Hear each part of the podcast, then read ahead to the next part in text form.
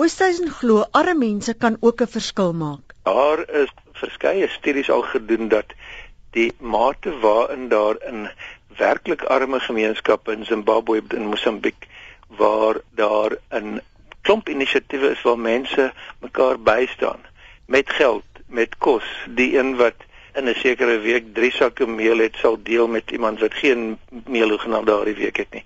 Selfs op daai vlak van armoede is daar heelwat goed wat hulle vir mekaar kan doen en wel doen. Op elke vlak van die samelewing kan mense mekaar help en die verantwoordelikheid neem om iets vir hulle gemeenskap te doen. Dit gaan nie net oor 'n cheque uitskryf nie. Elkeen van ons, as ons sit en ontledend kyk na ons lewens, sal ons vind daar is verskeie vaardighede, daar's vorms van kennis, daar's gawes wat ons het wat ons beskikbaar kan stel aan die gemeenskap. So die plig of die leefwyse van bronne beskikbaar stel aan die om jou is nie net beperk tot mense wat welaf is nie. Een van die keuses vir die gewone burger is om politiek te vermy en weg te bly van die stembus of heeltemal te onttrek van die politieke proses.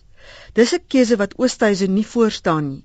Tog beklemtoon hy dat in ag geneem moet word dat groot sake ondernemings wêreldwyd die mag het om te bepaal wie suksesvol is in die politiek. Ek dink ook dit is die geval in ander lande en in sommige van hulle word dit op 'n redelik plat militante vlak bedryf.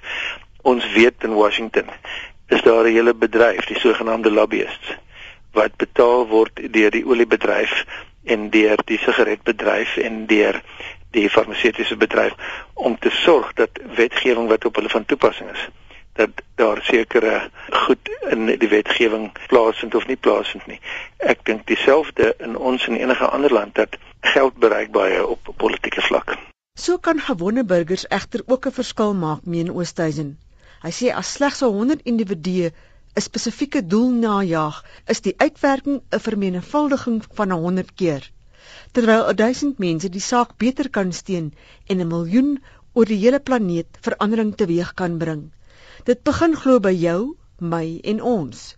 By die mense wat betrokke is by die 12 projekte waaroor Oosthuizen skryf, sê hy, daar is 'n tipe innerlike balans teenwoordig wat by ander mense skort. Een van die probleme met ons wêreld is die klem om die hele tyd net bates en speelgoed te bekom en wat geïgnoreer word is die ander helfte van daardie prentjie en dit is dit is ewe belangrik vir jou om by te dra anders raak jy net iemand met 'n klomp bates in 'n klomp maagsure. Dit is belangrik om 'n bydrae te lewer aan die gemeenskap om jou en, en daardie is 'n plig wat op ons almal rus. Dit is volgens Oosthuizen nodig dat die individue selfs klein inisiatiewe kan neem om hulle wêreld te verbeter. Een van die projekte wat ek in die boek oorskryf is Abalimi Bezekaya wat hulle doen is in die verskillende gemeenskappe van Kaapstad, Kruispaai, Philippi, Guguletu moedig hulle mense in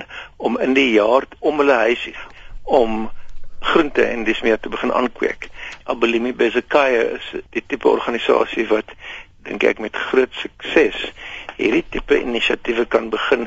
Die belangrike is om nie altyd te sê dit is iemand anders se plig en taak en ons sal wag totdat hulle daarmee begin nie. Andre Oosthuizen, die skrywer van But Light a Brief Candle oor mense wat betrokke is by 12 opheffingsprojekte. Mitsi van der Merwe in Johannesburg.